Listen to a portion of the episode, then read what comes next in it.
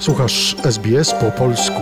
Więcej ciekawych historii znajdziesz na stronie sbs.com.au ukośnik polisz. Sytuacja na Ukrainie. Aktualne informacje. Rosjanie wycofują część sił spod Kijowa, natomiast brytyjski wywiad wojskowy poinformował, że rosyjskie oddziały są przerzucane z terytorium Gruzji w rejon wojny na Ukrainie. Według informacji wywiadowczych liczba żołnierzy przenoszonych z Gruzji na Ukrainę waha się pomiędzy 1200 a 2000. Wcześniej ukraiński sztab generalny poinformował, że Rosjanie chcą stworzyć nową grupę wojsk na wschodzie Ukrainy.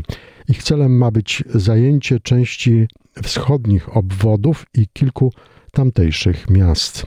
Rosjanie opuścili też elektrownię w Czarnobylu. Okupujący Czarnobyl Rosjanie mogli tam ulec szkodliwemu napromieniowaniu.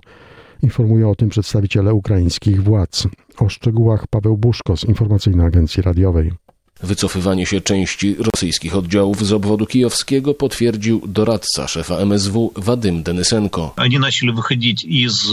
Rosjanie zaczęli opuszczać szereg miejscowości i na pewno opuścili już czarnobylską elektrownię atomową oraz miasto Sławutycz. Rosjanie okupowali teren elektrowni w Czarnobylu od 24 lutego. Według Wadyma Denysenki ewakuacja z Czarnobyla mogła być spowodowana faktem, że część rosyjskich żołnierzy uległa napromieniowaniu. Oni po prostu kopali okopy w tak zwanym Czerwonym Lesie. Jest to jedno z najbardziej skażonych promieniowaniem miejsc nie tylko w strefie czarnobylskiej, ale też chyba na całym świecie. To czysta głupota rosyjskich oficerów i żołnierzy, którzy najprawdopodobniej nie wiedzieli, co zdarzyło się w czarnobylskiej elektrowni. Według niektórych doniesień napromieniowani rosyjscy żołnierze trafiają do szpitali na Białorusi. Wicepremier Ukrainy Iryna Wereszczuk przekazała, że korteżami humanitarnymi udało się wczoraj ewakuować półtora tysiąca osób. Do Zaporoża własnymi samochodami dotarło ponad 600 mieszkańców Mariupola, a także ponad 800 mieszkańców miast obwodu zaporowskiego. Przewodnicząca Parlamentu Europejskiego Roberta Metsola napisała, że jest w drodze na Ukrainę. Na Twitterze umieściła swoje zdjęcia na tle ukraińskiego pociągu z podpisem w drodze do Kijowa.